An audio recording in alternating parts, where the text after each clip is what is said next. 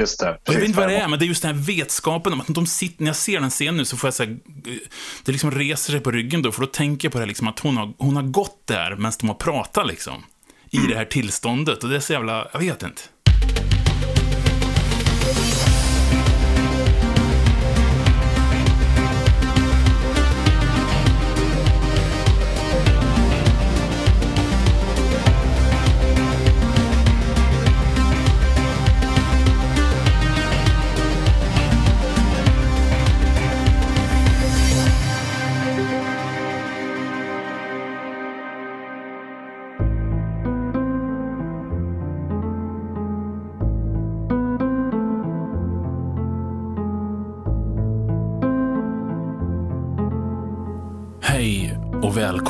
Till Ismail Atarias podcast.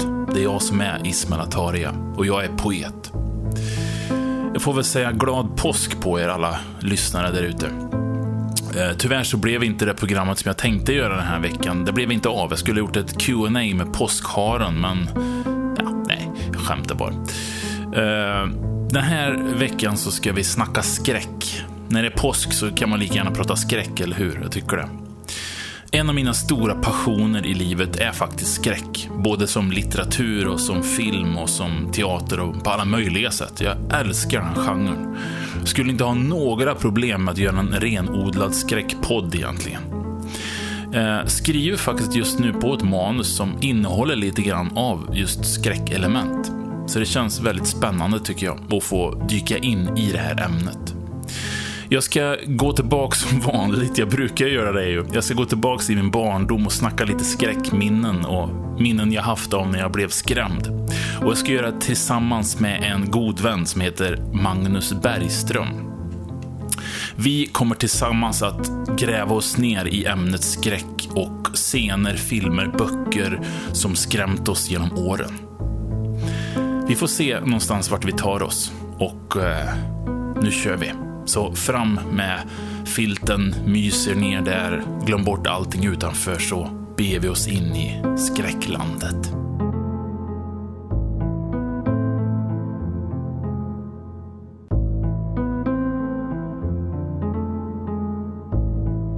Kanske, kanske måste börja beskriva först eh, hur vi känner varandra och, och vem du är och sådär. Kan, kan Ja, du inte bara kort presentera dig själv bara så, här, så folk... Du ja, det? Vad kan, vara mest intressant att berätta? Alltså, jag, jag, jag är ju från samma kommun kan man säga, alltså Ha- Hagfors kommun. Eh, Det är väl lite åldersskillnad på oss så, så vi kände ju inte riktigt varandra i gymnasieålder och, och så, men har ju träffat varandra eh, mer senare i livet egentligen. Eh, det som är intressant att berätta om mig i övrigt, jag vet inte, jag är ku- kulturjournalist och språklärare och jobbar just nu som det senare. Är väl det som kan vara kul. Jag är en nörd i allmänhet som tycker om eh, film i, eh, i synnerhet, men musik, brädspel, eh, konst, fo- foto, allt vad man kan tänka sig som har med kultur och populärkultur att göra egentligen. Du har ju alltid du har ju dykt upp i värmländsk media på många ställen också, pratat om kultur i olika former också. Ja, just det. Ja, det har blivit allt mer. Jag tycker att det är väldigt spännande att, och, och gräva runt i allt möjligt egentligen som har med kultur att göra och olika subkulturer och så här. Så det, det är bland det bästa jag vet att bara få sitta och, prata om de här grejerna. Mm, och det är därför jag kommer att tänka på det också. För att liksom vi, alltid när jag får prata med dig så, så, så jag känner ju att vi är på samma nördvåglängd på något sätt också i, i samtal och sådär. Och, och alltså när jag, när jag, det var det, det var den första jag tänkte på. Liksom på för jag, jag har haft en liten sån här idé om att få göra ett program där man får liksom götta ner sig i, i skräck, som är en stor passion för mig. Liksom. Det kanske inte många vet, jag pratar inte så mycket som sådär, men, men jag har alltid liksom haft en, en vurm och en kärlek för det gotiska och för, för skräcken, liksom. speciellt litteratur och film. Och då, då, då liksom, tanken med det här var bara för, jag, jag, lyssnar, jag lyssnar på väldigt många poddar som, som har liksom det här temat på något sätt. Men, så. men det, det jag tycker är mest intressant att höra i de här poddarna och när folk pratar om skräck, det är liksom deras personliga minnen av saker som har skrämt dem sådär. Och då tänkte jag, varför inte bara få göra ett program där jag tillsammans med dem får gå igenom det här, bara nörda ner sig rejält i de här scenerna, filmerna och saker som, som skrämdes, både som barn och som vuxen. Så här, och Mm. Jag vet inte riktigt vad vi ska ta oss någonstans med. Jag vet inte vad, vad liksom sensmoralen med hela programmet ska vara, eller vad man ska säga, vad, vad det ska leda till. Men vi får se vart, vart det tar oss. Det är kanske är en fråga ja. liksom, varför man är så jävla fascinerad av det. Jag vet inte. Ja, ja precis. Både så här, var, varför fascineras vi av skräck och, och jag tänker också där, det blir lite en självrannsakan. För jag känner också, vilket man kanske kommer märka när man eh, går igenom listorna, är att skräck och saker som har skrämt oss förr. Jag, jag tänker att det har ju formen som person lite grann, också i vuxen ålder. Det har ju format mig på olika sätt. Eh, verkligen. Alltså, det, är ju, det är väl att det är en så grundläggande känsla det här med skräck och rädsla på något sätt också. Att det, det, det hänger liksom i en som person. Mm. I alla fall för mig. Vi får se när vi pratar om det hur, hur du upplever skräck. Eh, och eh, om vi, om vi känner samma. Mm, precis. Och, och det, vad det gör som jag har gjort är att vi har satt ihop en, en lista helt enkelt med med ett par minnen genom vårt liv. Tillfällen när vi blir skräckt och, äh, skrämda. Och det är klart att man blivit skrämd så fruktansvärt många gånger av, alla möjliga, olika saker. Men nu höll vi oss liksom till film och litteratur och konst och kultur på, något sätt. Liksom. Precis. Och det behöver inte ens vara en specifik film. Det kanske en scen i en film. Eller en scen mm. i en bok. Eller någonting som har anknytning bara, kanske till ett verk också. Så att ja. det är väldigt öppet så. Men det är ju, vi håller oss liksom till fiktion på något sätt, tanken. Mm. Så det blir liksom ingen, ingen som har bunkrat upp nu för att höra på liksom någon slags spökhistoriepodd. Ingen creepy-podd det här liksom. Utan nu, vi går liksom igenom våra minnen på något sätt. Och, och, så får vi, se, får vi se vart vi hamnar i någonstans i allt det här. Precis. Ja, det låter väldigt spännande. Men, eh, ja, du är ju min gäst, så det, det är klart att du måste få börja då. ja, men, ja okej, okay, absolut.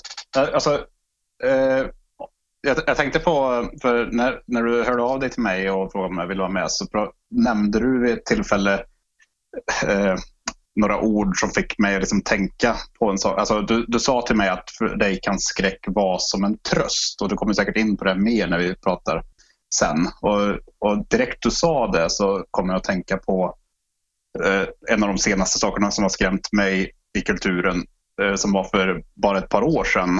Eh, en film som heter Hereditary. Jag vet inte om du har sett den? Ja, absolut. Gud, ja. ja eh, det här är ju... Alltså, den här filmen och egentligen också samma regissör har gjort den här Midsommar också. Och båda de filmerna egentligen har ju sin, sin grund i liksom tragedier, alltså familjetragedier.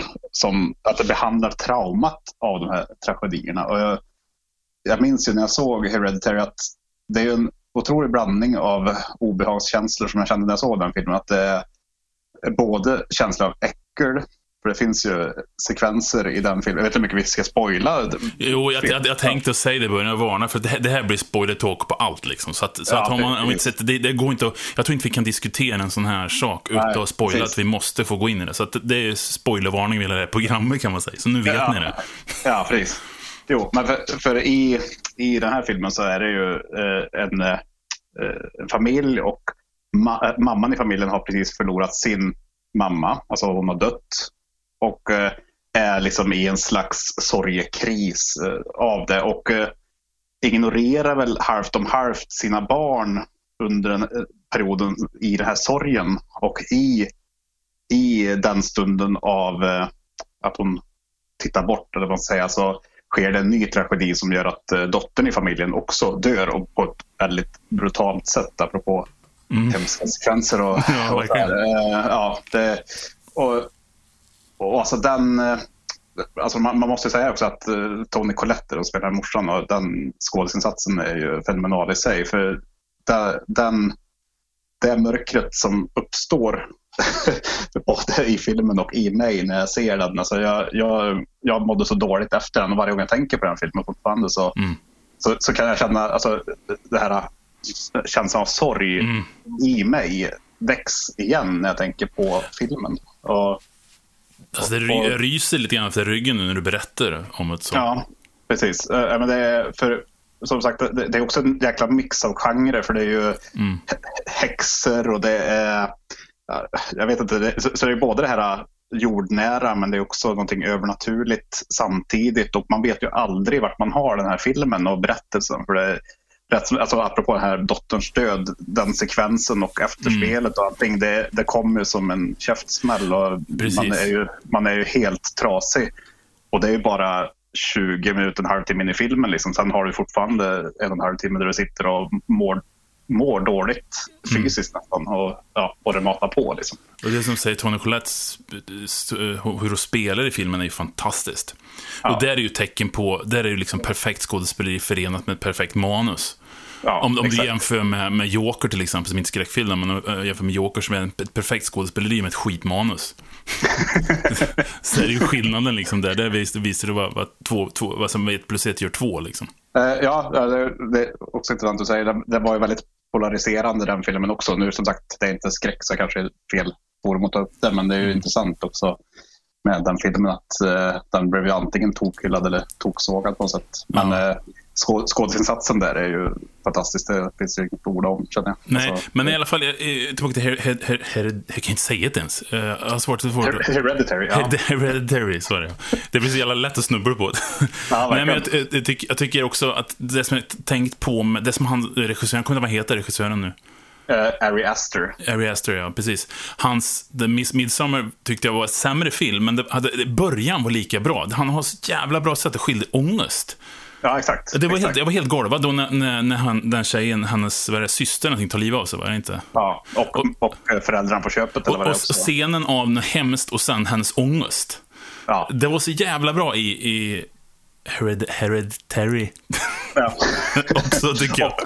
Ja, ja och, och missa också. Ja, den scenen när hon, alltså, som, alltså scenen direkt efter Mm. i midsommar som sagt, börjar med familjetragedin att hel, hennes syster har tagit livet av sig och tagit med sina föräldrar i, in i döden på köpet så att säga. Så hon är ensam kvar i familjen. Mm. Och den klipp, klipp till scenen där hon liksom ja, måste hantera det omedelbara budet, det dödsbudet Ja. och, alltså, och, ångestgråten. Alltså det, Ja, gud. Och, och så hans, hans, hans pojkvän som sitter och lite halvhjärtat försöker trösta så här, liksom. Ja. Lika som, som Tony Colettes man försöker trösta henne liksom, efter hennes dotter Ja. dött i förra filmen. Så. Ja, och så det, det är så jävla bra skildrat. Men jag såg en, en så... n- många som verkar nörda ner sig, som sitter och lyssnar på det här nu, som kanske har Mm. sett alla YouTube-klipp som pratar om så här.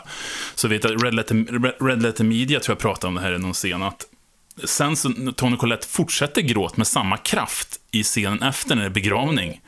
ja. Och det ger nästan en komisk touch till det. Ja, Som att hon grå- tokgråter så här. Sen klipp till att hon tokgråter på begravningen också med samma kraft. Så, så att det är som att de har tokgråtit i, i Ja. en vecka. Liksom. Och, Ja. och jag tyckte också det. Det tog udden av det lite grann. Eh, Ja, precis. ja, det, det blir nästan som, en, så här, som, som ett sånt hårt klipp som Family Guy kan använda. Ja, Nästan. ja, precis. Klipp. Kommer hem, ligger i sängen. Det blir, sån så här, ja, jag vet. Men jag håller med dig alltså, verkligen om att det är en scen som är fantastisk och obehaglig. Ja, extremt. Och just den mänskliga ångesten sådär. Ja. Ja, nej, det, det som sagt, det ryser i mig när jag, varje gång jag tänker på och också den sekvensen i midsommar. Så, så det, Mm. ja. Det Så det, kanske, men, mm, ja. det kanske leder oss in på det här med, med också, ång, lite grann in på, på den filmen som jag det var inte nyligen jag såg den kanske, det var många år sedan. Det kanske var runt 20 när jag såg Exorcisten för första gången. så. Och, och, och Exorcisten är, är nu, numera en mysfilm. Liksom. Det är någonting jag sätter på för att det går mysigt liksom, med den typen. Den, för att det är en så jävla, jävla bra film också. så. Men det var det liksom, det kanske inte den, just det jag vill prata om, men jag måste, det blir som en brygga över ändå från det du pratade om. Det här med tragedin i Exorcisten är ju liksom, är ju den mänskliga tragedin. Ja. Och det här att Ja. du som förälder, någonting blir sjukt hos ditt barn. Och du vet inte vad det är för någonting. Och det här sökandet. Det, här, det äckligaste jag kommer jag upptäckt i filmen när jag såg den första gången, det var liksom inte själva det här exorcismgrejen, utan det är det här när de försöker liksom utforska vad, vad som är fel. Alla de här testerna de har gjort, och de har fångat den här kalla känslan man hade som barn när man kom till sjukhuset, om du kommer ihåg. Så. När man Ja, kanske har halsflussproblem och var tvungen att åka dit till akuten mitt i natt. Och så var det någon, någon dansk doktor som skulle klämma på dig så här, med sin främmande hand så här på dig. Liksom. Ja. Och man för- förstod kanske inte allt vad den personen sa heller. Antingen var det för att han var dansk eller för att, för att det var läkarspråk. Liksom. Att, eh, Ja, det var väl det. Men det kommer inte vara en dansk doktor som vi var i Hagfors då. Som, som... ja, precis. är. Och så han här lite, lite, luktar lite cigarettrök av en också, kommer jag ihåg. Gamla skolan. Ja, det hörs man. Så här, jag vet inte. Min dåliga danska. Men just den känslan tycker jag eh, Exorcisterna fångar så himla bra. Ja. Och, och, och, men det där är någonting, det, det kan ju leva kvar fortfarande. Alltså om, om jag, eh, alltså, visst, jag är inte hypokondriker, men alltså ändå när man går, går till en läkare eller någonting och så att det här eh, vad- vad var det fel? Alltså den här känslan av att så här, man ska undersöka så, så här, vad, vad är fel på mig lite grann. Alltså det, det kan ju det kan ju rätt bli att man traskar iväg i huvudet där också. Att, så här, ja, vad, vad är det fundamentala felet på mig? Så där. Men det som skrämmer mig i alla fall i Exorcisten, eh, nu efter, och som, som sen på senare år är otäckt, det är en liten detalj som är Alltså den går ju helt förbi människor och det kanske låter... Det det är risken när man ska prata om det här på det här sättet, det är att det kan bara falla platt när man säger det liksom så. Men jag tycker att det otäcka är att eh, mamman hittar ju ett krucifix i dotterns säng. Ja. Och så går hon ner på undervåningen, lägger det krucifixet på byrån. Sen går hon och öppnar och hälsar den här, vet du, den här fantastiska scenen med polisen som kommer då. Jag vet inte vad skådespelaren heter, en äldre man som spelar. Som besöker dem liksom. Och det har ett fantastiskt, jag tycker det är så jävla bra spelat när de har det här lilla samtalet vid bordet. För det är som att han, han är så lugn och trevlig gubbe liksom. Men under känns det som att han fiskar efter så mycket. Och de fångar det så jävla snyggt så här, och hur försöker, hur försöker mamman försöker hålla masken så här, de har det här samtalet och han vill ha hennes autograf och sådär liksom. Sen för hon är ju berömd eh, eh, skådis. Precis. Sen så går han eh, och den scenen tar slut. Och så hör hon hur det skriker på övervåningen och hon springer upp och finner sin dotter så här onanerande med det här krucifixet liksom och så hugger Exakt. sig i, i, i, i... Och det är en chockerande bild i sig. Men det som är verkligen hårresande tycker jag, det är tanken på att under tiden de har suttit och pratat och haft det lilla samtalet, då har hon, Megan, alltså dottern som är besatt, hon har liksom gått ner eh, för trappan, gått ner och tagit krucifixet igen. Och tagit med det upp. Just det. Jag vet inte vad det är, men det är just den här vetskapen om att de sitter, när jag ser den scenen nu så får jag säga, det liksom reser sig på ryggen då, för då tänker jag på det liksom att hon har, hon har gått där medan de har pratat liksom. I det här tillståndet och det är så jävla, jag vet inte. Ja, men det, ja, också när du säger, ja, så obehagligt. För Det, det, det ger verkligen kraft den här känslan med vad, vad händer medan de trevliga stunderna i livet pågår. Alltså vilka hemskheter och vilka tragedier sker under tiden. Alltså det, förstår du vad jag menar? Att det blir så här, och, och, och, och, både i ett stort perspektiv, alltså såklart ute i världen och den skiten, men jag tänker så också i det lilla perspektivet, alltså Eh, all, allt som, som kan hända medan vi har det väldigt bra i livet. Alltså, så det, ja, men det blir väl, om man hårdrar det till livet är skört kanske lite grann också. Alltså, förstår du vad jag menar? Att det, mm. Ja, men allt det här vi inte vet, vet, vet om, det kanske, det kanske är den känslan som speglas. Alltså, likadant som jag, jag sitter liksom på ett café och, och äter en bulle, liksom, och så bredvid mig kan det sitta en, en, en massmördare, liksom, som inte jag vet, Ja, men- dricker sin precis. kaffe. Så. Det här, det här är oerhörda, obehagliga som döljer sig, det okända liksom, som döljer sig bortom när man sitter och har det trevligt. Liksom. ja, exakt. Ja, ja, Och det kanske är där det speglar den, den grejen. Liksom. Men just vet, tänk dig själv så här, vetskapen om att du får, du får höra sen att någon, har- någon har varit in, in, in i ditt hus när du inte visste det. Liksom, och sen, man har ju inte gjort någonting, utan bara gått ut. Precis. Det, det, påminner om en, alltså jag tänker direkt på en annan film som inte är skräck, men det finns ju en tysk film som heter eh, eh, Die fetten Jahre sind vorbei. Alltså på, i, på engelska heter den The Educators som handlar om en, ett ungdomsgäng som byter sig in hos rika människor och bara möblerar om för att bara visa att eh, vi, vi ser er och ni ska inte känna er så trygg. Liksom. och, och, och, och bara, bara den känslan. Liksom, eh, att komma hem och saker är inte riktigt som förut. Ingenting kanske är stulet men det, någon har varit där och ändrat en liten detalj bara. ja, det, ja, det är superläskigt. Där. ja, så jävla obehagligt. Mm. Men det är ju det här rädslan för okända liksom. Jag ska bara, det här med, som, som, som, ja, men som med Hajen till exempel. Jag har inget mer på Hajen ja. jag vill prata om egentligen själv. Men just det jag kommer ihåg med Hajen var ju skräcken för det okända. Att man inte såg Hajen. Det har ju pratats om tusentals gånger, så vi ska inte gå in på det. Det här med ja. att Hajen inte fungerar i filmen, därför fick det lösas med de här tunnorna som kommer upp och allt det där. Men det är just det här smarta med att man anspelar på saker istället för viset. Jag tror ja. Ingmar Bergman som sa att det halvt dåliga är alltid värre än det fullt synliga. Liksom. Ja, men så är det ju. Och, alltså, om, om, vi, om vi ska haka i det lite grann så eh, någonting som jag när jag var liten alltid tyckte var superobehagligt. Det var ju innan jag var gammal nog för att liksom se skräckfilm, eller framförallt var det väl att jag inte kunde komma över skräckfilmerna. Alltså nu snackar vi strax före tonårsåldern kanske. Så hörde man ju liksom kompisar och min bror är ju två år äldre, han, hans kompisar och han pratade om skräckfilmer och de bilden som, som skräckfilmen gav mig i, i huvudet, liksom, det, det, var ju, det var ju hemskt bara det. No. och, och, och, och, när man tänker på just Hajen som exempel så är det verkligen så att eh, det, det var ju ingen skillnad när jag hade sett filmen sen egentligen. För man såg ju Hajen lika lite egentligen, så bilderna i mitt huvud räckte ju för att, eh, för att ge den samma starka ångest och skräck Mm. Som, eh, som när jag egentligen har sett filmen också. För det är samma där, att den var lika dold för min syn i mitt huvud som den var i filmen så att säga. Ehm, så, så, bara att höra om hajen gjorde att jag inte vågade bada i sjöar ens när jag var liten. Liksom. Då, hade jag, då hade jag inte sett filmen än. Alltså det som sker innanför huvudet är ju alltid värre än det som ja. man får se. Liksom. Så det är klart, och, ja. och jag, kommer, jag gömde bakom min systers fåtölj. När det, hon tittade igen på sin, sin kompis på hajen typ varje helg kändes det som. Ja. Och då satt jag alltid bakom så här, och när de värsta partierna kom så satt jag bakom så här. För jag kommer ihåg när liksom hajen tar quint på slutet där. Jag hade ju den, jag hade ju den den, jag hörde ju ljudet vet du, av när han blev uppäten. Ja, just det. och liksom det. bara ljudet av det och, och tanken på det var ju, det skapar ju fruktansvärda bilder. Så ja. sen när jag såg det så var det som att det var liksom, jaha, det var inte så ja. mycket ändå. Precis, ja, det, och det är samma med musiken också, för även om man inte hade sett filmen så, så hade man ju hört temat. Alltså antingen att folk hade nynnat på temat eller mm. att det hade använts i parodi, parodier eller vad som helst. Och, och, så bara det var ju uppjagande liksom. Eh, utan att jag hade sett filmen.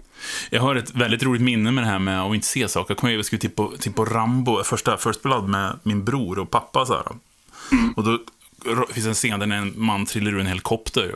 Så, så slår ja. ihjäl sig och ligger liksom sönderkrossat mot stenarna där nere. Och då vet jag att min brorsa sa det, så här, det kommer en scen, han ramlar ur helikoptern nu och det borde inte det borde inte Anders se, så här, för då, då, kan han få mardrömmar. Så bör pappa, mm. fick jag blund. Och sen spolar det så här. Så hör jag, du vet det ljudet av video som spolar så här. Och så hör jag min pappa plötsligt säga, det var det. och så just när han säger så säger jag, det var det. det är hårresande liksom. Konstaterande att ja, där föll han ur helikoptern och blev mos. ja, ja, men det, exakt, det verkligen så. Eh, ty, tydligaste filmen för mig, så, som är, apropå, eh, förutom Hajen egentligen, så är det ju Motorsågsmassakern. För den, den var ju så legendarisk eh, i snacket, folk som hade sett den. Och att eh, bla bla bla och hon, hon hängs upp på köttkroken där och han så, sågar dem i bitar och du vet.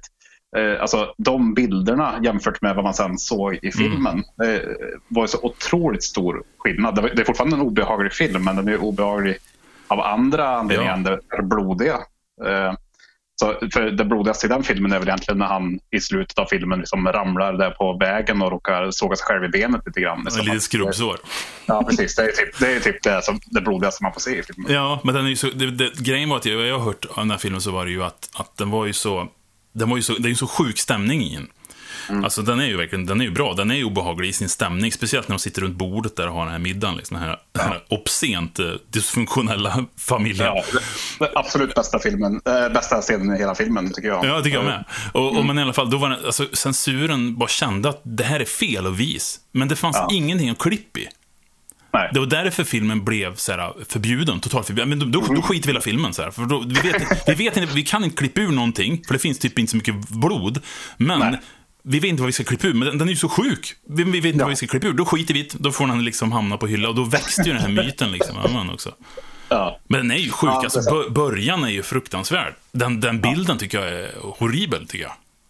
Eh, eh, Jag, minns inte vilken, eh, hur Ja, den öppnar ju med det här, för, först det här konstiga ljuden liksom, och hela Just det. schling. Och sen så zoomar det ut, så sitter det någon, någon som har satt upp en dödskalle som sitter på något sätt med något huvud, tror jag, på något sätt i handen. Ah. Och så zoomar det ut långsamt från det här, som att någon har, har liksom gjort någon slags, eh, någon slags konstigt eh, konstverk eller något sånt där, av, Ja, av likdelar liksom. Ja. Just det, just det. Ja, nu, eh, ja, en del av de här är så länge sedan jag såg. Men Ja, jag nu, med. Var... nu, nu när du säger det så får jag bilden direkt här. Eh, ja, nej men det är verkligen...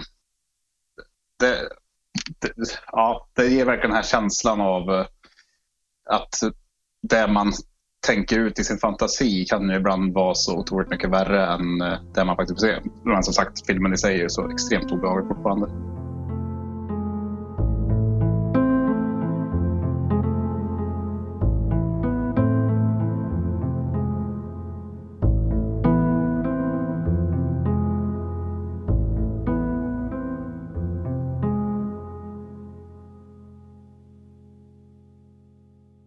Ja, jag, jag, jag tänkte på det, för du pratade ju om eh, saker som man kan relatera lite grann till eh, eh, eh, till Exorcisten där, tyckte jag när du pratade om det. Att, eh, för ungefär tio år sedan det väl, så blev jag otroligt skrämd när jag eh, läste The Road av Cormac McCarthy, alltså Vägen. Ja, just inte, har, har du, du har säkert sett filmen, har du läst Ja, boken också? nej, jag har inte gjort det. Jag har inte gjort det. Nej, nej men jag, jag minns inte nu på rak arm. Jag tycker filmen också är obehaglig. Men eh, jag minns inte om just de sekvenserna som jag tänker mest på är representerade på samma sätt i, i eh, filmen som i boken.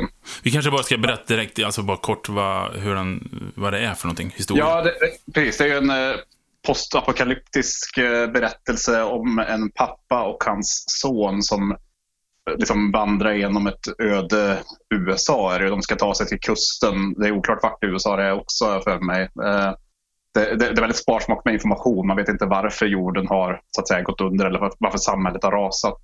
Men det är som att det är konstant eh, askgrå himmel. Så det, man tänker att det kanske är någon slags atomvinter eller så här då.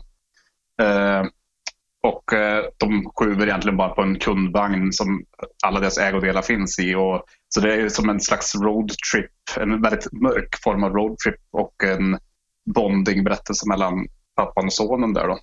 Eh, och eh, du pratade om det här med eh, skräcken med vad som händer med dottern i Exorcisten.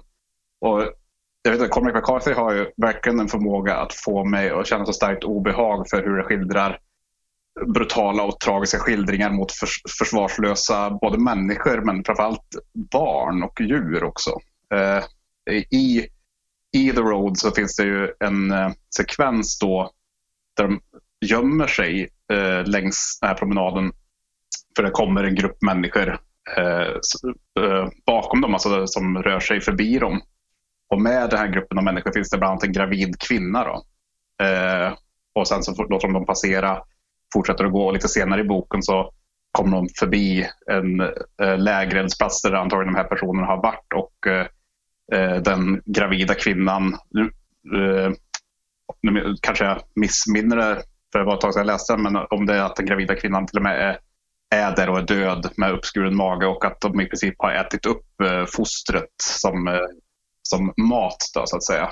Eh, och eh, bara liksom den tankebilden är ju så otroligt hemsk. Och det, det är, han gör egentligen samma sak i eh, en annan bok som han skrivit som heter Blood Meridian som är en western story där det är en ung kille som eh, ja, hamnar mitt i det här eh, vad ska man säga, slakten av indianer under den eran när, eh, när, de, eh, alltså, när de gick, gick på ursprungsbefolkningen i USA eh, och i princip där man gjorde folkmord på dem. Och det finns också en sekvens där de invaderar ett läger och det är någon som rycker ut liksom, eh, små spädbarn och liksom, slår dem mot backen. Och, vet, ja, det, eh, alltså, de och, och, här, apropå det vi pratade om förut, att de bilderna jag får i huvudet jämfört med om det här skulle skildras på film. Jag känner att eh, i, i, mitt, i mitt huvud var det så svårt att stoppa tyglarna och spärrarna för hur det här ser ut. Så att uh, ja.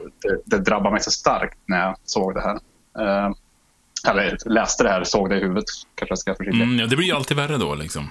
Ja, men, men det är också någonting i, i The Road som, alltså, för det är ju ett, ett obehag på ett här, grafiskt sätt som jag kände, men något annat som jag tycker att The Road lyckas så himla bra med är ju, alltså genom det här, är ju den här känslan av hur människor är mot varandra i en kris också. Alltså, att när tar jaget över viet? Alltså när, när slutar vi liksom bry oss om andra människor bara för vår egen överlevnads skull?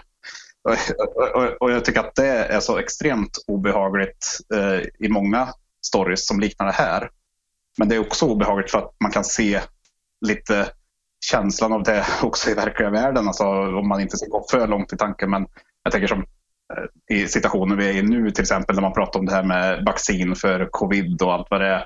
Och man liksom spärrar exporten av, av covid-vaccin och vi ska liksom inte dela med oss till den eller den delen av befolkningen av vaccin. Och då blir jag så här, ah, men vi måste ju det om vi gemensamt ska klara av det här. Alltså, någonstans där börjar jag ta över viet och jag får exakt samma obehagskänsla i kroppen som när jag tänker på eh, The Road och eh, de berättelserna också. Så det, det, har ju den boken verkligen lyckats med hos mig, att jag känner att jag kan känna så starkt obehag för människors beteende också i verkliga världen på något sätt.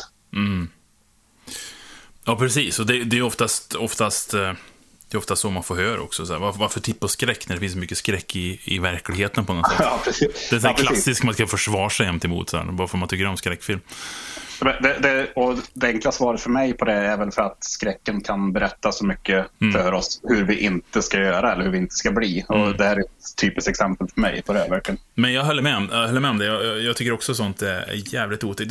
När du berättar om den här upplevelsen med, med, The Road så tänker jag på att det är lite samma upplevelse jag fick av Mad Max till exempel.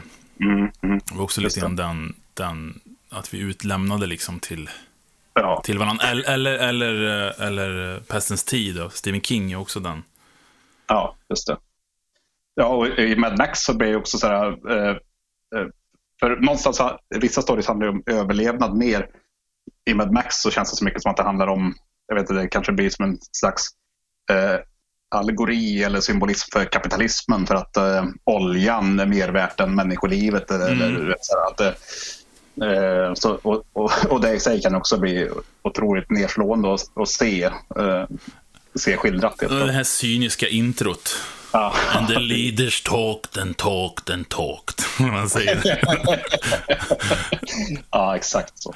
Eh, jag kan ju tänka på det liksom nu. För, så här, ibland kan dyka upp den, den öppningen på något sätt. Att, fan, vi är ju där nästan nu. Ja. Ja, men det här, är ju, det här är ju kanske den värsta skräcken egentligen. Så för, för att, vara, att vara människa liksom. Det här är ju värre ja. än något monster i djupet eller någonting. Det kan du i alla fall fly ifrån. Det här, oss, oss och varann kan vi ju aldrig fly ifrån på något sätt. Nej, exakt. exakt. Alltså, vi kommer ju alltid behöva leva med, med varandra på något ja, sätt. Alltså, jag tycker oftast därför är det svårt att se dystopier. Jag, tycker dystopi, jag älskar ju dystopier, men det är oftast det som ja. jag tycker är det mörkersta och det jobbigaste på något sätt att, att se oftast. Det måste jag liksom vara nästan lite garderad för att se. Ja. Eller läsa. Ja, är, verkligen. Och det, det, är ju en av mina absoluta favoritgenrer samtidigt som jag kan bli så otroligt eh, förstörd av det så, så älskar jag ju att se, se hur de har eh, Alltså, alltså hur de har målat upp den världen och hur man kan relatera till den. Alltså detaljer därifrån till världen vi lever i nu. Och så. Eh, eller som författaren levde i då, för den delen, om det är liksom gammal dystopi. Det är nästan så här så att, så att det, det nästan, man, man, skulle kunna säga så typ att ja, men det är rock bottom på något sätt egentligen i, i, i skräck på något sätt liksom inför vad som är läskigt där. Men, men, men, men jag håller med om att det är, en brygga över från det för mig då kanske skulle vara uh, Ingmar Bergman Mm. kan faktiskt föda sådana känslor. Och jag, jag hade en period när jag var runt 20 när jag fick för mig att nu ska se alla Bergman-filmer. Jag kom ganska långt. Jag tror jag har sett nästan alla. Han har väl, vad är han har gjort? Ja, jag vet, det är ganska, mycket, ganska mycket är det ju. Jag tror det är 70-80 filmer eller där tror jag. Ja, Kanske han mer. var ju extremt produktiv faktiskt. Men säg att jag har sett 50 i alla fall. Jag har sett nästan ja. allihopa. Eh, och många av dem skrämde ju mig som bara den, när jag såg. Alltså första gången jag såg till exempel Fanny och Alexander när jag var barn och vissa scener där, Ja. eh, sådär, eh, var ju fruktansvärd liksom. Men, men den som jag kanske skrämde mig mest, och så då var jag lite äldre också, så då var jag liksom runt 20-strecket. När jag började på se då alla Bergman-filmer så var det eh, Nattvardsgästerna. Mm. Har du sett den? Eh, nej, jag, jag har inte sett den. Men jag funderar på, nej, så den jag tänker på, jag funderar på om det var den som de använt storyn till eh, så här Last House on the Left och grejer, men det är väl Jungfrukällan? Det är Jungfrukällan. Det är, är den första Rape Vengeance-filmen. Ja, just det. Precis. Det är ju en Nej, då- genre som är, är väldigt spännande för den som vill kolla upp det. Rape Vengeance. Alltså, eh, oftast en kvinna då, för det kom ju på kanske 60 70-talet var ju väldigt stor den här genren. Då var det ju oftast Exakt. en kvinna som blev brutalt våldtagen i början, sen hämnade så brutalt i resten av filmen. Det är ju, eh, Kill Bill-filmerna är väl en ganska stark hyllning till flera Ja. ja. filmer i den genren, bland annat. Eh, Så det är absolut värt att kolla upp om man gillar Kill Bill till exempel och, och så, så kan man backa bandet. Ja, men jag tror, jag tror att du kan bli lite sådär, ah, ah, om du ser eh, Kill Bill och sen tror du ska få samma sak av I Spit on your, I spit on your grave. Så då kan du få Ja, lite olika känsla där kanske. Men Ja, det, det är ju det är inte riktigt samma lekfulla eh, soundtrack och så vidare. Nej, men jag håller med om att det är, det är liksom hämndhistoria egentligen. Så. Men jo, men, Ja. ju- Ingmar Bergman gjorde den första. Han gjorde Jungfrukällan. Den var ju kopierad sen egentligen till mycket av Ja. sånt som kom. Och det är ju, tror inte många som tänker på det där liksom egentligen. Men, men hans, äh, Ingmar Bergmans filmer går ju under skräck i många länder. Ja, det är klassiskt som skräck. Det, det är också det där med att vi i Sverige har ju fortfarande idé. Nu börjar det börjar på förändras jättemycket på den där punkten. Så jag ska säga att det har hänt jättemycket på tio år. 10-15 år så har det hänt skitmycket på det här. Men det är fortfarande lite så att det är inte riktigt en okej genre. Liksom. Det var länge så i Sverige, att det är inte riktigt fint och sådär. Men i andra länder så är det ju det. Det är ju liksom en genre som är, du kan berätta andra saker med liksom. Ja, absolut. Och för mig så är skräck så. Skräck får aldrig vara skräcken i sig, utan det är ett filter jag använder för att berätta en historia igenom, tycker jag. Det är då böcker som är berättade på det sättet, filmer som är gjort på det sättet, som har skräck så bara som en palett, liksom. Utan man berättar en historia om karaktärer, om människor, om... Det är då det blir bra, liksom. Ja, Det är då, det är då. Men det finns ju olika. Det är som, ibland vill man ha en pizza, ibland vill man ha 13, liksom. Ibland vill man ha... Vill man. Ja, ibland vill man ha något mer sofistikerat. Men i alla fall, Ingvar Bergman, natt, Nattvardsgästerna, det finns en scen där som, eh, vad heter det, det handlar ju om en präst som tvivlar i sin tro. Ja. Den är ju, det är ju en del av en trilogi också, tror jag, om Guds frånvaro. Jag tror att den första var Sjunde enseglet, sen var det Så som i spegeln och så är det Nattvardsgästerna. Så det är en slags Okej. det handlar ju om Guds frånvaro. Den är fra... Jag kommer inte ihåg vad han heter nu, skådisen som spelar prästen där, men han är med i många filmer. Han är fantastisk där. Och han, han tvivlar i alla fall. Så kommer, jag tror det är, vad heter det, äh, Max von Sydow spelar någon, kommer dit och är rädd för Hans fru försöker liksom sköta talan för, för han sitter bara tyst och tittar lite snett i sin trenchcoat. Så här, och så säger hans fru så att han, han, är, han är rädd för kineserna. För att de har en atombomb eller sånt där ska sprängas. Han har en slags livs, existentiell livskris. Och så kan väl inte den prästen rädda han på något sätt. Eller han kan väl liksom inte, han kan väl inte ge de bästa råden eftersom han tvivlar i sin tro. Så det slutar fan med att han tar liv av sig, Max von Sydow, karaktär. Man får aldrig se det. Det är ju off-screen, liksom. man får inte se överhuvudtaget. Utan de kommer att berätta det, att han, han sköt sig nere vid ån. Och det finns en scen där som är, det är en fast kamera som bara panorerar och följer när prästen kommer dit och går fram till liket som ligger där under den och så lyfter polisen på, på filten och visar liksom lik. Men vi ser ingenting. Och så, och så hör man en fors som brusar i bakgrunden för den är vid en å så här. Och det, det, det är en så jävla obehagligt och otäckt den scenen, kommer jag ihåg. Jag kan inte än idag sätta finger på vad det var. Jag, jag har sett om den och, och, inte riktigt fått samma starka känsla, men jag fick ändå så väldigt liksom hårresande, kommer jag ihåg. För det, Ja. finns, det, finns det, sker, det sker på dagen. Det är så upplyst och det är liksom, man känner den här svenska Känns, svensk landsbygd känns det på något sätt. Ja. Och så där det kalla konstaterandet att kameran är där och han går fram och bara tittar. Det finns något otroligt obehagligt i det. Jag kan inte sätta finger på vad det är. Det är återigen det här, kanske det här, du får inte se någonting. Och, ja, jag vet inte, det finns någonting, det, det är något, jag, jag känner igen platsen. Jag har varit på den platsen, förstår du vad jag menar? Så känns det.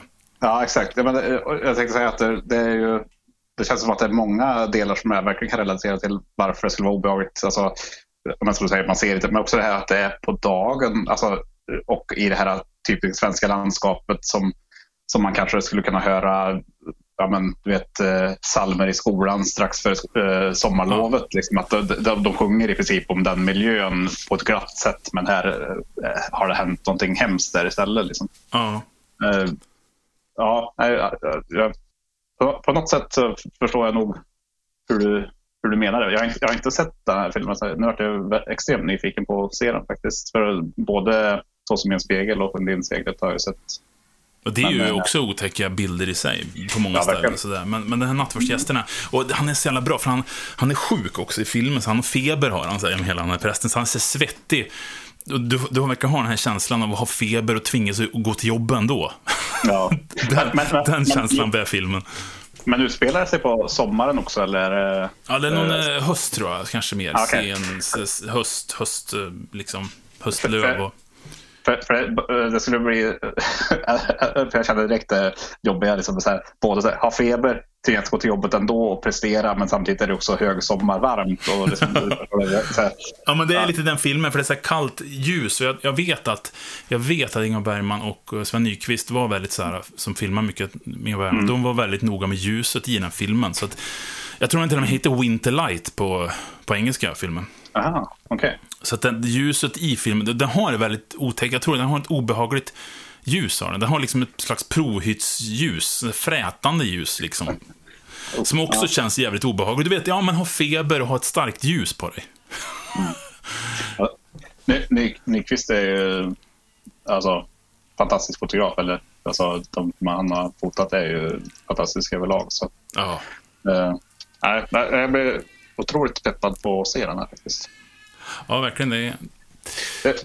Alltså för, för mig är det ju eh, samma... Eh, du, du sa att det här var när du var runt 20. Och mm. det, jag, har så otroligt samma upplevelse fast med Kubrick. Alltså, mm. för, för jag, när jag kom upp i gymnasieålder och sen gymnasieålder framförallt, det var ju samma era när liksom, DVD-boomen kom. Alltså att uh, DVD började ja, bli ett överenskommet pris och många man kände liksom började köpa på sig klassiska filmer på DVD och så här. Och jag vet ju att eh, man började by bytlåna filmer. Så I gymnasiet så bytlånade jag liksom mycket. Jag fick låna eh, Kubrick-boxen då minns jag. Och var väl första gången som jag såg Shining då bland annat till exempel. Och så här. så, eh, väldigt, eh, väldigt liknande upplevelse fast inte just med, med Bergman. Då. Jag hade en Bergman-period också men han inte alls se lika många filmer. Men, eh, men just eh, Shining var ju för mig kanske motsvarande filmen från den eran. Eh, Egentligen flera filmer av Kubrick också. Men eh, eh, den, den satt ju liksom, ja, kanske den och Rosemary's Baby då. Alltså Polanski var också en sån som man kanske eh, grävde ner sig i under den eran.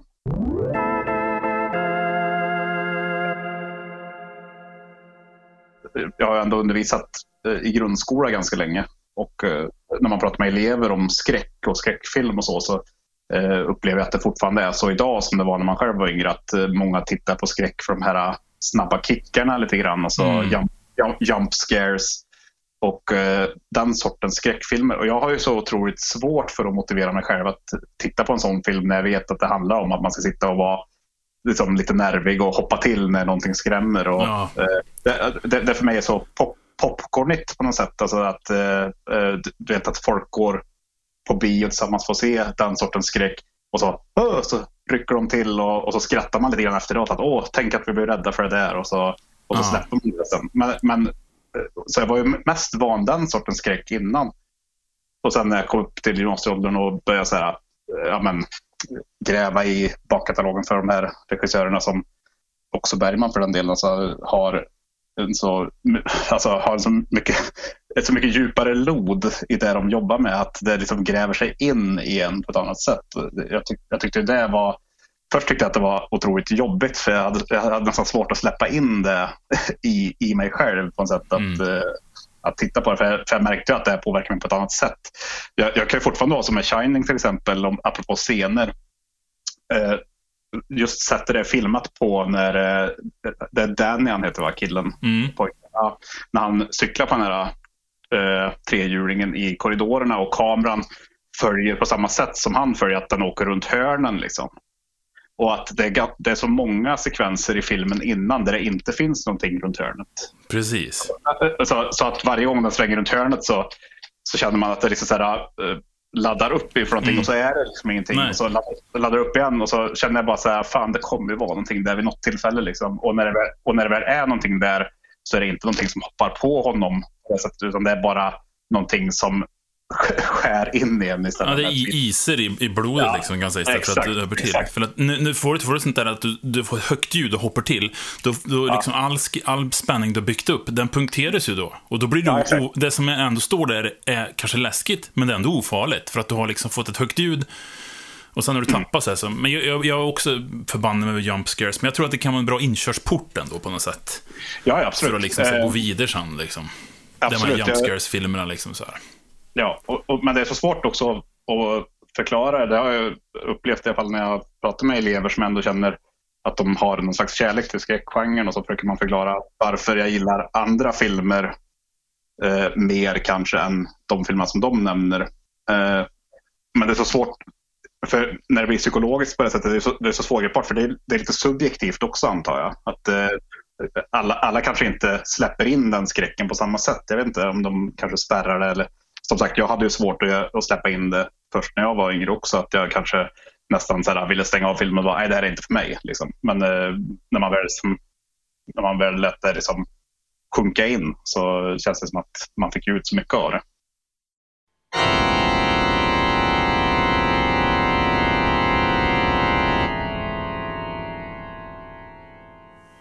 En film som inte är med på listan, som jag skulle kunna med nästan, det är på tal om det du pratade om. Det finns en tysk film tror jag, som heter Hotell, som kom någon gång början på 00-talet tror jag. Har du ja. sett den?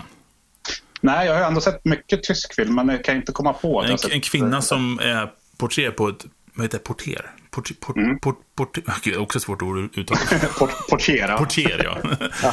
Hon, på ett hotell, hon är själv på kvällen, hon bara går runt ja. i det hotellet. Och så är det tyst, det är ingen musik, ingenting, det är bara tyst. Och hon går runt och det är så fruktansvärt, så här, det växer tomma korridorer, du vet, filmade länge så här. Ja. Och så händer ingenting i princip. Det, det, finns ju vissa moment mot slutet, men det är liksom inte ett enda jumpscare, inget sånt överhuvudtaget. Det är bara spänning och en stämning.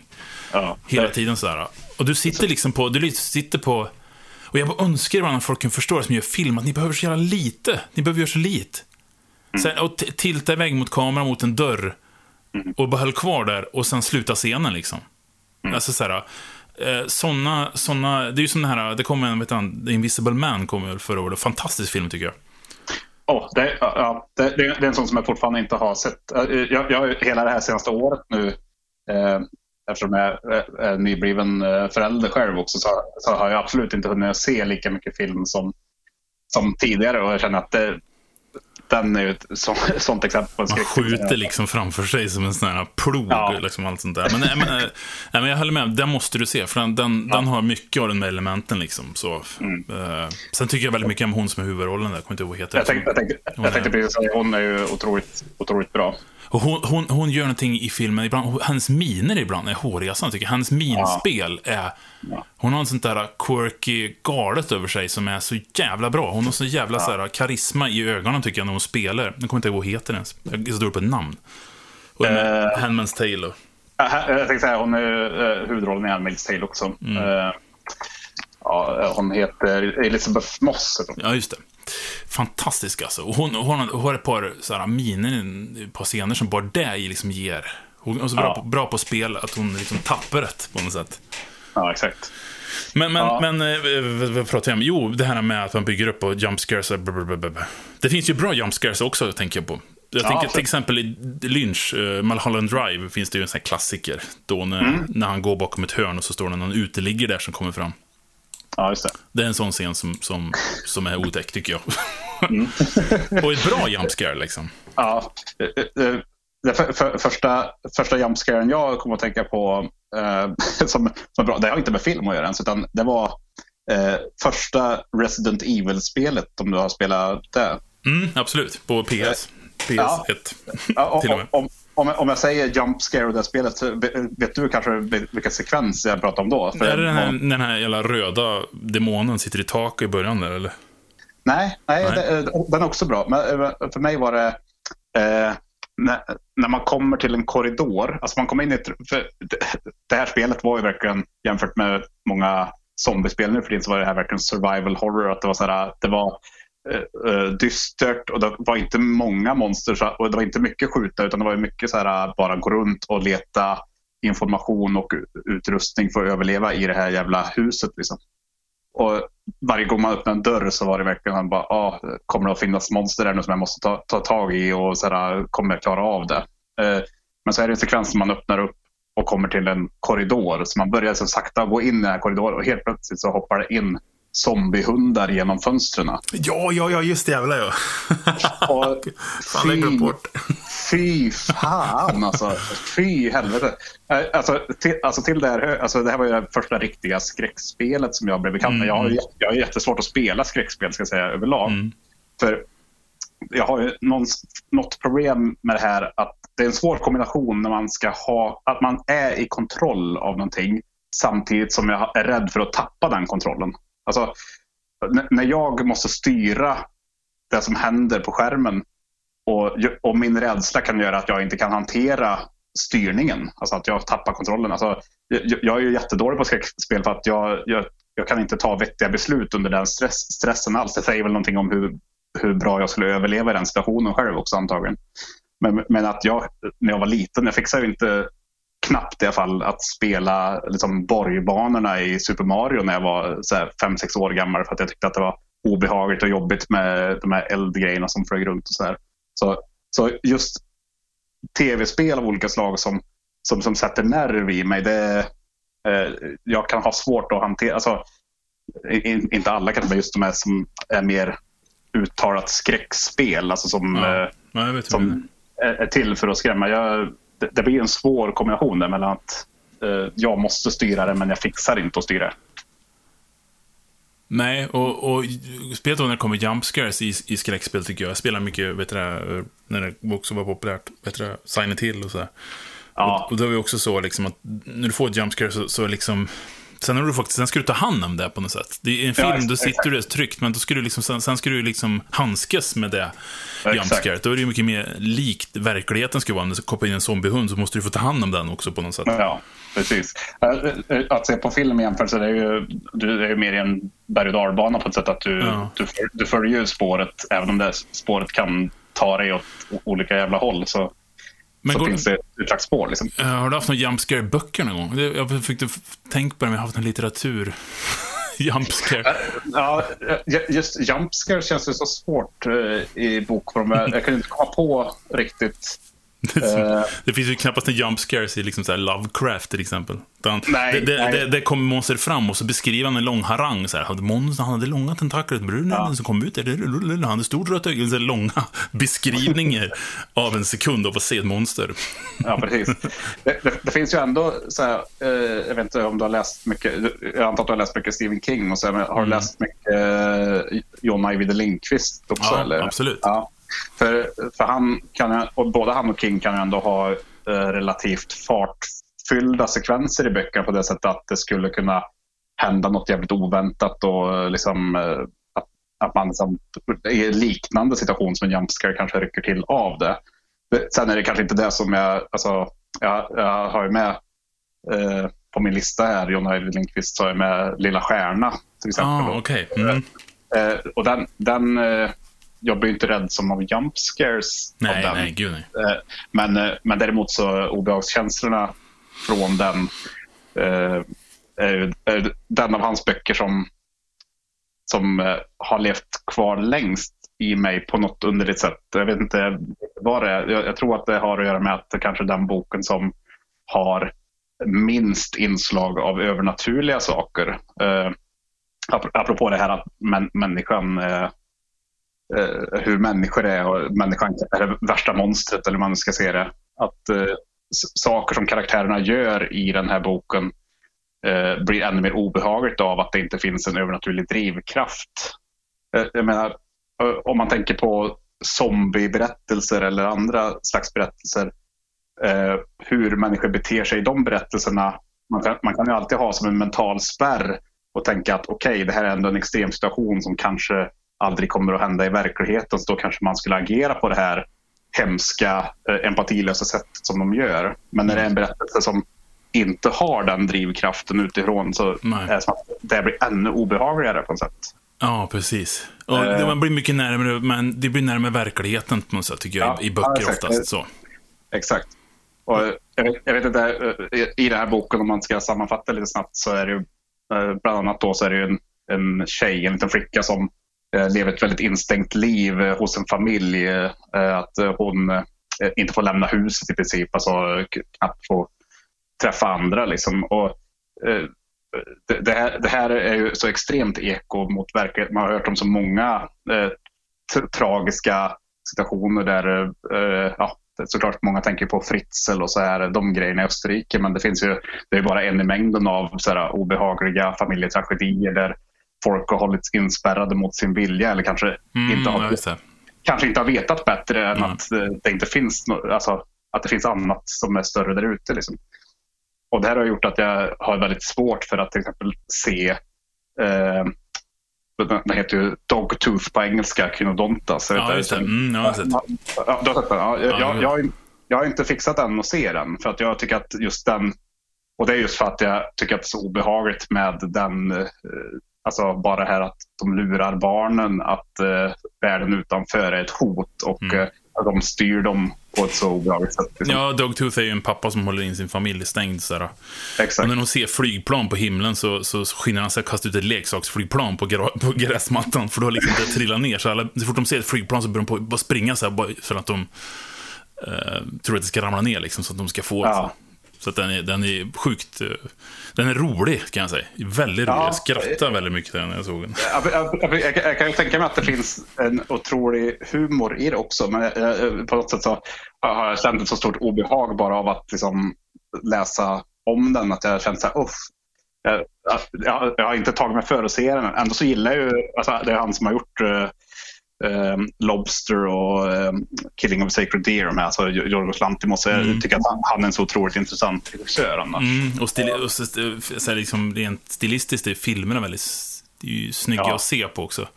Ja, jag, jag, jag älskar ju The Favourite. Det är ju inte en skräckfilm, men det är ju en, en film som jag verkligen gillade som han gjorde för några år sedan också.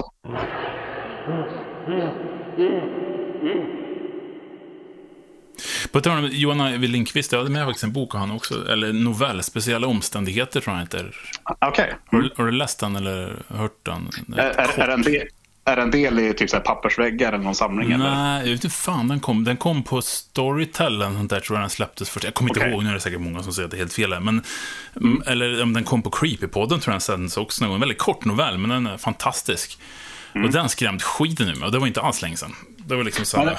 Det finns någonting vardagsnära, så här, det är ett par som köper ett hus. Och, och då, när vi ska köpa huset så står det i annonsen typ speciella omständigheter. Och då får man reda på att det, det finns någonting nere i källaren liksom, till slut. Det, någonting händer på kvällen liksom, så får Ja, inte upp den dörren på kvällen.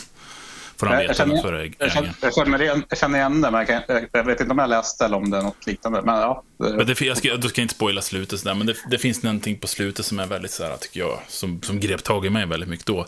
Eh, Men det, det, det intressanta var att jag såhär, läste den för min, min sambo, tror jag.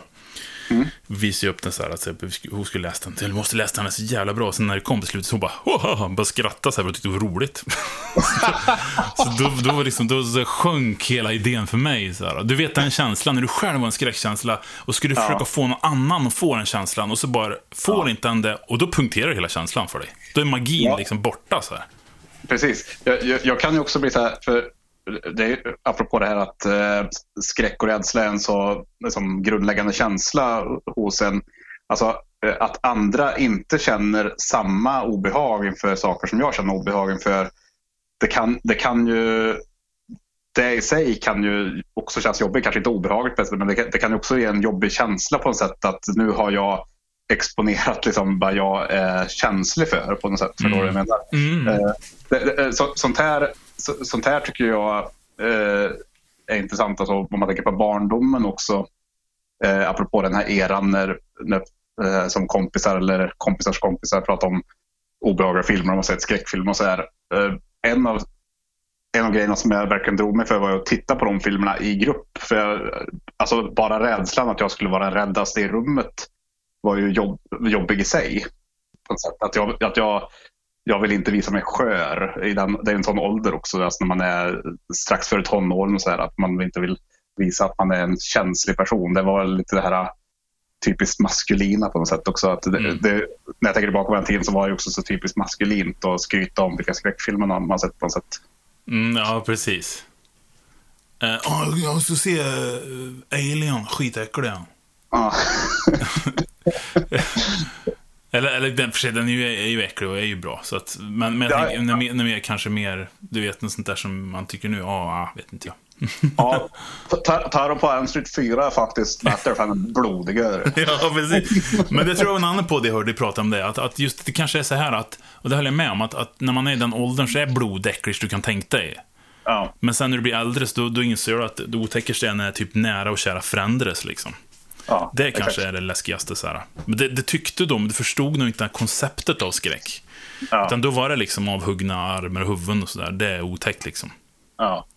Något, något som jag hade som bubbla på min lista som passar in lite grann på det, det är ju det här med alltså, filmer, filmer som uh, Get Out och uh, Us till exempel. Alltså de här två Jordan Peele-filmerna.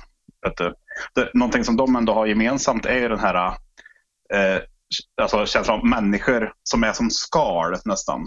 Uh, att, uh, alltså, du, du, träffar på, i Get Out är det ju det här att de tar över eh, människors kroppar. Alltså ga gamla människor tar över unga människors kroppar för att kunna fortsätta leva mm. genom dem så att säga. Mm. Men, men ibland krackelerar den ytan. Liksom. Och I Us så är det att det finns en spegelvärld där det finns eh, människor som, är, som ser ut som dig men som är en slags eh, ja, men mörk avspegling av dig på något sätt. Och just, just den, apropå det att nära och kära förändras. Alltså, eh, alltså människor som är som skal. Alltså att, eh, det tycker jag är en så otroligt obehaglig sak i sig också. Jag, jag vet inte, jag tror att det som, eh, och apropå att det kan bli humoristiskt, alltså det känns ju som att det är en så otroligt svår balansgång också. För att det finns ju många filmer som vill skildra liknande där det kanske liksom blir mer så kul. Alltså som Stepford Wives och de här eh, som är intressanta stories. Men det blir kanske inte riktigt skräck på samma sätt för mig i alla fall. För att det blir nästan komiskt när det blir den här alltså, suburban-världen där folk liksom är stela och, eh, och ja, att, att de inte är som vanliga människor riktigt. Ja, det, finns något, det är det uncanny liksom, att det finns någonting som Exakt. är, som är off, lite off. Så det är David Lynch till exempel väldigt bra på, tycker jag. Den, Exakt. den känslan. Nu, nu på senare har jag liksom omvärderat Lynch lite grann. Jag, jag både älskar och tycker att det är jävligt fånigt ibland. Jag tycker det är lite pubertalt mm. med Lynch också. Det, det är liksom så här, lite filmstudentaktigt, hans filmer också. Så här. Mm. Eh, mycket av det. Men när det är bra så är det jävligt bra, men när det är dåligt så är det liksom, man får, jag fan tycker det idag att mycket av Lynch har gjort det pekoral också. Så vissa ja. grejer tycker jag är lite fånigt, har krympt liksom för mig. Ja, men, och, och så är det, det kommer ju säkert att gå många varv med, alltså det, det, så känner man ju saker man tycker är obehagligt eller bra för den delen som man omvärderar när man ser det. Det är många saker jag inte har sett på jättelänge. Lynch till exempel, vet jag inte, vissa av hans filmer inte sett. Mulholland Drive som pratar om den har jag sett ja, relativt nyligen och för mig är det kanske tio år sedan. Mm, ja, precis. Det ligger äh, ja. Jag tänker på det här, när du pratar om uncanny, alltså den här grejen med att saker är skevt på ett mm. Så eh, något, som, något som jag tyckte var obehagligt när jag var mindre var ju musikvideon till Soundgardens eh, Black Hole Sun. Just det. Eh, eh, så, eh, för det var ju en sån musikvideo som alla tyckte ah, den är så jävla cool och och vilka effekter och de här skeva färgerna nästan mm. den framkallade liksom känslan. Mm. Och, jag, och jag mådde så jävla dåligt varje gång jag såg den mm. alltså. jag, jag, jag, tyckte låten var bra då, ja. men, men hade så otroligt svårt för det här smältande Barbie-dockan och du vet allting är liksom människorna med det här påklistrade smilet. Och... Ja just det, som massa hysteriska leenden ja. har det. Just det, ja, det är ju precis. jävligt obehagligt ja. Ja, alltså otroligt jobbigt. Jag, jag, vet inte, det för mig var ju på något sätt så första gången som jag liksom var i kontakt med den känslan av uncanny. Uncanny Valley som de säga på engelska. Ja. Som att det är så någon, någonting är skevt. Det, det, det är, det är Ja. nära rätt men det är inte riktigt rätt så att säga. Men, men ja, precis, nu är vi in på något väldigt intressant som jag själv tycker också, jag har en punkt på min lista. Är det okej? Eller har du... det- Ja, ja, men kör, kör. Det är Någonting också som jag tycker är, just det här uncanny, eh, det finns en scen i Besökaren, har du sett, med Kjell Bergqvist och Ja, det är en den svenska skräcken. Fantastisk film, tycker jag. Mm. Jag tycker att den är jävligt äcklig. Det finns en, en scen där när Kjell Bergqvist vaknar och så tittar han snabbt på sin fru som spelas av Lena Endre och så ligger hon i sängen och stirrar på honom. Då kommer du ihåg den scenen? Äh, äh, äh, jag, jag kan inte komma ihåg. Alltså, jag har inte sett den. Och, liksom ligger, och, så, och så är det någonting förvridet med ansiktet på honom. Så, här, så tittar liksom lite uppåt på honom. Så här, men man ser liksom mer, mer ögonvitor på honom också. Och så Aha. har, har så ett leende lite grann, så här, ligger och tittar på honom. Och så blir han så här, och så tänder han ljuset och så har hon så, såklart vanligt, bara hon då så. Ja. Och det kan ja. vara så att, hans, att ljuset gör att det ser ut så, men hon ser så jävla läskig ut när man tittar på hon så. Och det är någonting med ansiktet, det är, inte, det är inte hon, men det är hon liksom. Ja. Och det har du återigen kanske det. Och det är, när jag tänker på de här scenerna i Black Hole Sun-grejen så är det precis samma. Det är liksom det här lite överdrivna. Det är en människa men inte en människa liksom. Ja, exakt. Och jag, jag kan känna, jag vet inte, har du sett, det verkar vara väldigt populärt just nu på sociala medier med, eh, det finns väl en app antagligen där man lägger in en bild på sig själv och så animerar den bilden så att det ser ut som man sjunger någon låt. Ja, Har, har du sett det? jag har sett det. Alltså jag bläddrar förbi alla dem direkt. För, för, för mig så är det bara, det, det är bara obehagligt. Liksom. Det, för man ser ju att det är personen och det är nära rätt, men det är inte riktigt rätt. Alltså när det är animerat. Alltså, det, är ändå, det är ändå väldigt bra gjort för att vara liksom, en mobilapp eller vad det nu är. Men jag tycker att det är svinäckligt. Verkligen. Det, jag, vet, jag vet inte, det väcker, det väcker väl samma känslor i mig som just den besökarna-scenen också. Mm, Att, jag mm. att det, det här är ju det här är inte rätt. Liksom. Nej, och någon du känner är inte riktigt rätt. Kanske Då- ja, exakt, apropå att det är nära, nära personer. Liksom att, eh, absolut. Så ja, usch. Det, det, så det, det är någonting återigen från verkliga livet som speglas i den här skräcken man har också. Jag har alltid haft svårt med så här, till exempel liksom överdrivna, eh, en som finns med på min lista som blir på att bli kort här nu. Mm. så, så finns det omslaget till, vad är det, No Rest for the Wicked är det väl av det, Ozzy Osbourne. Ja, ja. Det omslaget så finns det någon liten svart figur uppe i hörnet på, på den tronen som Ozzy Osbourne sitter i, som har en lång näsa så här. Eh, typ. Ah, han, ser ut som han, ja. han ser ut som han gjorde. Jag tyckte det var fruktansvärt den här bilden på han alltså. ja. Eh, och min, den, den, den skivan kallade jag för skräckskivan när jag var liten. Så, så att min, min bror Aha. tyckte det var jätteroligt för hans skiva, så han brukade springa runt och jaga mig med den där skivan. Så här, titt på den titt på den titt på den! Så sprang han ut som.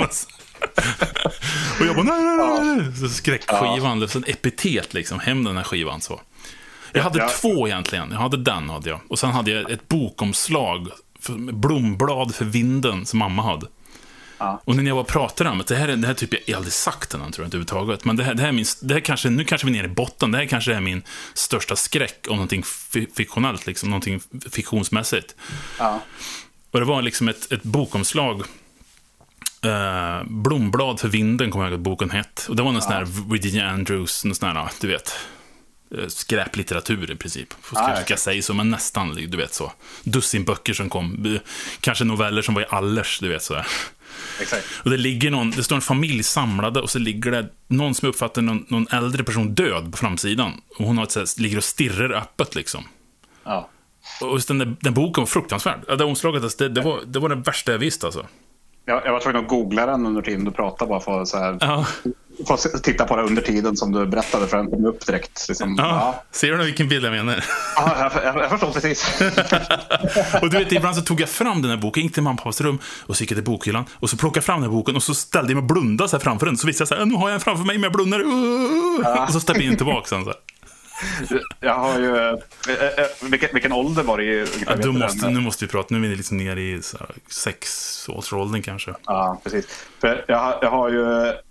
Mitt allra tidigaste skräckminne som jag har listat här är ju snarlikt från när jag var kanske fyra, fem år gammal också. Eh, det finns ju eh, en klassisk barnbok från Tyskland som heter eh, Struwelpeter. Känner du till den? Nej, jag ska se. Gustav det? Struvel. Med dubbel, två W. Struvelpeter. I, I Sverige heter den Pelle Snusk. när den kom. Ja, just jävlar ja. Nu, nu snackar vi 1800-talet gavs den ut. Ja. Alltså, och, och det kan man också säga för de som kanske är populärkulturellt intresserade som lyssnar när vi diskuterar. Så att det här, den här boken var ju med lite grann som, som en skämtgrej i amerikanska The Office. eh, där Dwight Schrute uh, berättar att han, har- han har minsann vuxit upp med den här boken som, eh, som barn och det är bra grejer. Liksom. Eh, men, här snackar vi redan liksom innehållet i den här boken och jag, tror, jag antar att det är därför jag känner så obehag för omslaget också. Att det, det här är ju en så här klassisk eh, Eh, uppfostran inom skräckgrej som, som många antar jag tycker är typiskt tyskt då. På något sätt. Eh, att eh, i den här berättelsen så handlar det, alltså, eh, eller ja, i berättelsen, det är många små berättelser i samma bok där det är liksom barn som gör dåliga saker och blir bestraffade för det på olika sätt. Eh, Struvel Peter, alltså, eh, som boken är döpt efter, är ju den första storyn och det är ju en, eh, en kille då som inte klipper sina naglar eller eh, tvättar sitt hår och inte klipper sitt hår. Så han blir ju som en eh, skräckfigur som ser ut nästan som en eh, eh, fågelskrämma. Liksom. Att det, det känns när man ser omslaget så påminner det väldigt mycket om Edward Scissorhands. Att Mm, jag tänkte kunna också det. inspirerat av det. Liksom.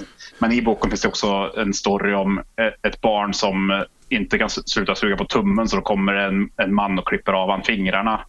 Ja, Eh, just det. Det finns en annan Är, story är, om... det, är det där han flyger fram lite grann sen när han klipper sig? Som att han såhär, Wii! Ja, ja, precis. Att eh, fingertopparna liksom flyger iväg. Ja. Eh, och eh, det finns ju en story om ett barn som leker med tändstickor tills han eldar upp sig själv till döds. Liksom. Och, du vet, det här var ju stories som jag fick höra då när jag var väldigt liten. Och det här ledde till att jag, alltså för jag kände sån obehag för den här boken, kände så otroligt obehaglig för omslaget så att när jag var kanske fyra år gammal så tog jag en svart penna och kladdade sönder hela omslaget på den. Så, så den utgåvan som är hemma hos mina föräldrar fortfarande än idag har ju liksom en helt sönderkladdad framsida av att jag liksom har bara försökt att radera det här. Dölja det hemska liksom. Ja, det, eh, och kanske till och med försöka radera ur mitt hu- huvud. Liksom. Ja. Eh, Men eh, utan att lyckas såklart för att obehaget från den här boken levde kvar länge ändå. Men Men det är jävligt Det är- obehagligt för han säger liksom, de här fingrarna känns ju liksom det som är, det, det är ju också det uncanny, det som det här långa, man vet Ja. inte vad det är först. Men jag visste inte att det var naglar, jag har ju sett den här boken förra gången, jag tycker ju den där bilden är jävligt obehaglig på något sätt. Ja. Det, det, jag fick ju, nu när jag fick barn själv så fick jag ju en nyutgåva av den här boken i present av min lillebrorsa såklart. Så, det, är så här, någon, någon känner mig alldeles för väl. Liksom, Ja. eh, den här ska du ha hemma. Liksom. Eh, men det är också han- skadeglad. Jag är väl lite grann som din brorsa som jagar dig med... med No rest for the wicked. ja, precis. Men om, om vi ska summera, vi har ju mycket mer kan prata om egentligen, så här, men vi, det, är liksom, det här är de man kommer top of mind egentligen. Så här. Ja, verkligen. Sen kan man ju typ en massa filmer som Lake Mango till exempel, som skrämde skiten ur mig för bara ett år sedan. Jag såg den för första gången. Vilka, vilka sa du? Lake Mango.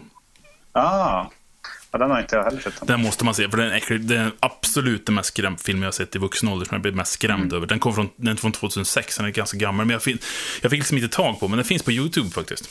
Aha, okej. Men det finns ju massa mer grejer också så här, man kan prata om. så. Men nu är vi nere i den här basala skräcken från barn, har som barn, alltså, de finns ju levande. Alltså. Det är som du säger, att du fick den boken nu och den jävla blomblad för vinden, till och med titeln är ju är kvar i mitt huvud liksom. Så här, Ja, exakt. Har, har, du, har du bearbetat det genom att kanske döpa någon dikt till samma sak? Eller? eh? Nej, No Rest for the Wicked köpte jag på en second hand. Gjorde jag. Det Ah, var okej. för att jag tyckte, det är en ganska dålig Ozzy Osbourne-skiva egentligen. Men, men, men, men eh, jag tyckte att det är så här, ja men fan. Jag köper den som en slags, för att hantera det på något sätt.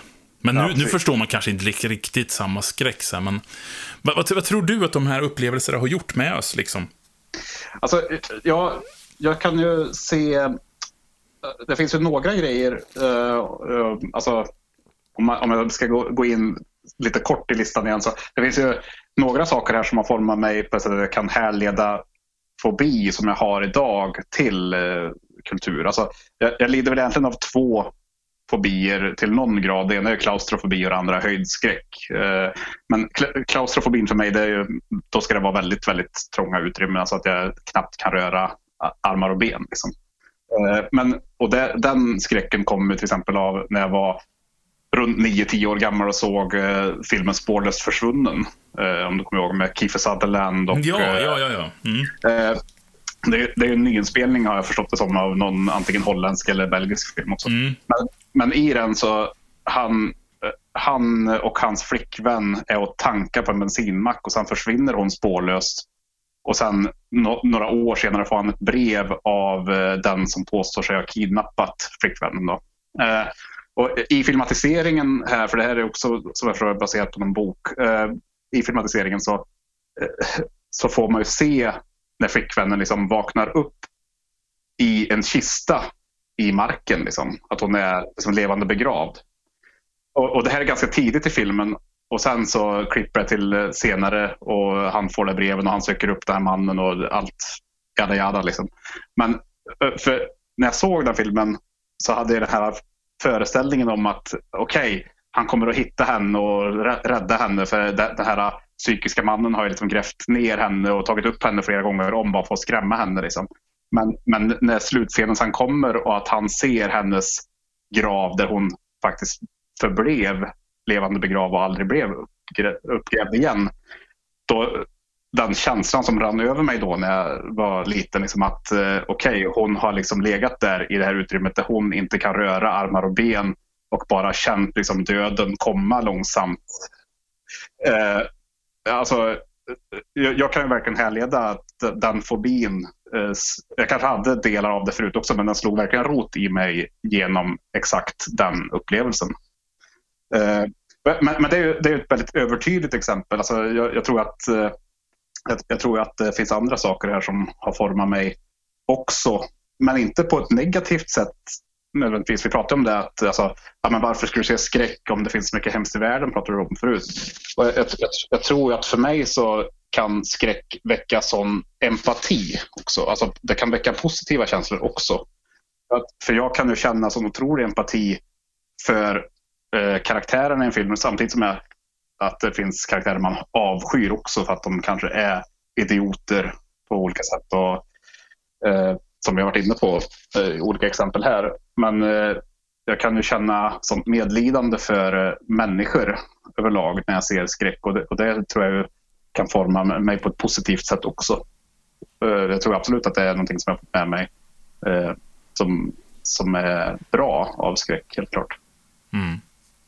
Vad tror du då? Jag, jag, tror, jag tror också att, att, att skräcken för mig är också en väg in för, för empatin också, som du säger. Och, för, för, mm. och genom att man utsätter sig för saker som man skrämmer så förstår man det känslor fullt ut så blir det lättare, tycker jag, att ta hem andra känslor också.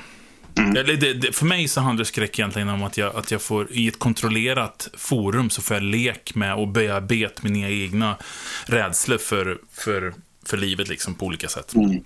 Precis. som kan, jag kan utsättas för. Jag får ja. liksom, det, var, det är ingen slump, jag hörde, läste en studie nu, att det, det som klarar corona bäst, eller klarar ångesten kring corona bäst, det är det som har sett skräckfilmer tydligen. Ja. Enligt någon forskning någonstans. Ja, precis. som det alltid är. Men, men jag, jag, jag tror också på det, att du har lättare att hantera jobbiga känslor genom att du ser mycket skräck. Så ja. du, har du, nästan, du tränar din hjärna i katastrof lite grann. Absolut. Så du kan hantera eh, lättare vissa typer mm. av känslor. Ja, men jag, jag, det, jag, tror absolut att det ligger något i det också. Alltså man, man, man har ju lärt känna sig själv. Alltså det är lite som jag var inne på förut, att, där, att man exponeras. Man, man, man, man gör sig själv skör på något sätt. Man öppnar upp sig mm. för de här känslorna.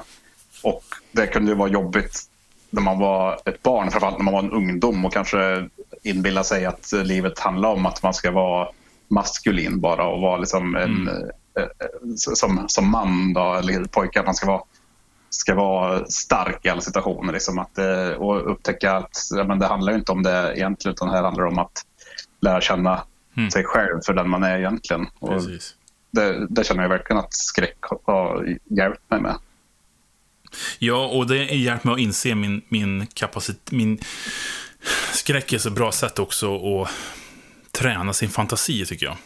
Mm. Det har varit en, liksom en grogrund för min eget skrivande och sånt där. Det är genom min, min fantasi som också har varit ihop med skräck. För skräck gör också, att, tror jag, att man, det blir en hävstång för fantasin på något sätt. Både science mm. fiction och skräck och så är en hävstång för att tänka i mm. nya banor på något sätt. Ja, men, lite grann så som vi var inne på i början, just att eh, hur, eh, hur det vi tänker på något sätt bygger kanske värre saker än vad, vi, än, än vad som egentligen är menat också.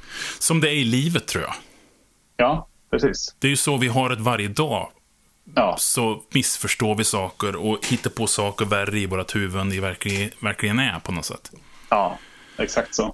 Och det känns som, eh, jag vet att du också är relativt nybliven förälder och det här är ju någonting som vi kommer att ta med oss resten av våra liv nu att eh, hela tiden eh, vara oroliga och hela tiden ha en bild av hur saker skulle kunna bli eller du vet, alltså man, det här konstanta oron för någon annans liv också. Mm, alltså, det är ju, ja, det, jag, jag, tror ju som sagt att eh, de här sakerna vi pratar om nu med skräck, det tror jag kan bidra, bidra till att liksom, hantera de känslorna lite grann. Att, eh, eh, alltså, hur illa saker skulle kunna bli och hur illa det sen eh, blir så att säga. Mm. Och det är kanske det man ska ge alla, så, så försök att utsätta er för mer om ni tycker att skräck är så himla... Jag vill bara säga det till alla de här som tycker att det bara är slöseri med tid. Så här, utan mm. Det är liksom någonting som du kan använda faktiskt för att förstå dina egna mörka sidor. Och jag ja. tror aldrig att du kan nå någon slags högre stat, en högre liksom nivå av medvetande om man inte omfamnar dina mörka, destruktiva sidor. Nej. Och istället för att vara en destruktiv person, så tror jag att alla jag känner som är är, tittar på skräck, eller som är mm. skräckfanatiker som en annan, är oftast människor som är väldigt snälla. Väldigt, ja. alltså, nu säger jag inte så att jag är själv så då, men jag menar alltså, de flesta jag, det jag känner menar jag nu, jag kan inte uttala mig själv, är oftast väldigt empatiska personer som jag känner som mm. gillar det liksom. Ja, verkligen. Alltså, de, de, de, det är nästan de mjukaste människorna och de som är kanske mest eh, säga, liksom, nä, har nära till sina egna känslor, så att säga. De, de som är... Eh, ja, jag vet inte riktigt hur man ska beskriva, men eh, absolut så. De som, mest empatiska eh, människorna är ofta de som älskar skräck av olika slag. Ja, eller så här, lyssna på extrem så black metal. Ja, exakt. Precis. Eh, Eh, de, de, det är lite grann som den här klassiska, den som är hårdast tatuerad. Eh, kanske den som är mjukast på insidan så att säga. Alltså, i, i, just skräck, skräckgenren och också liksom, tung musik och så, här, så känns det som att eh, i, i den egna empiriska studien av sitt eget liv så har det verkligen varit så att många, många människor, de flesta människor man har träffat som älskar de här sakerna också är de som är snälla som mjukast egentligen.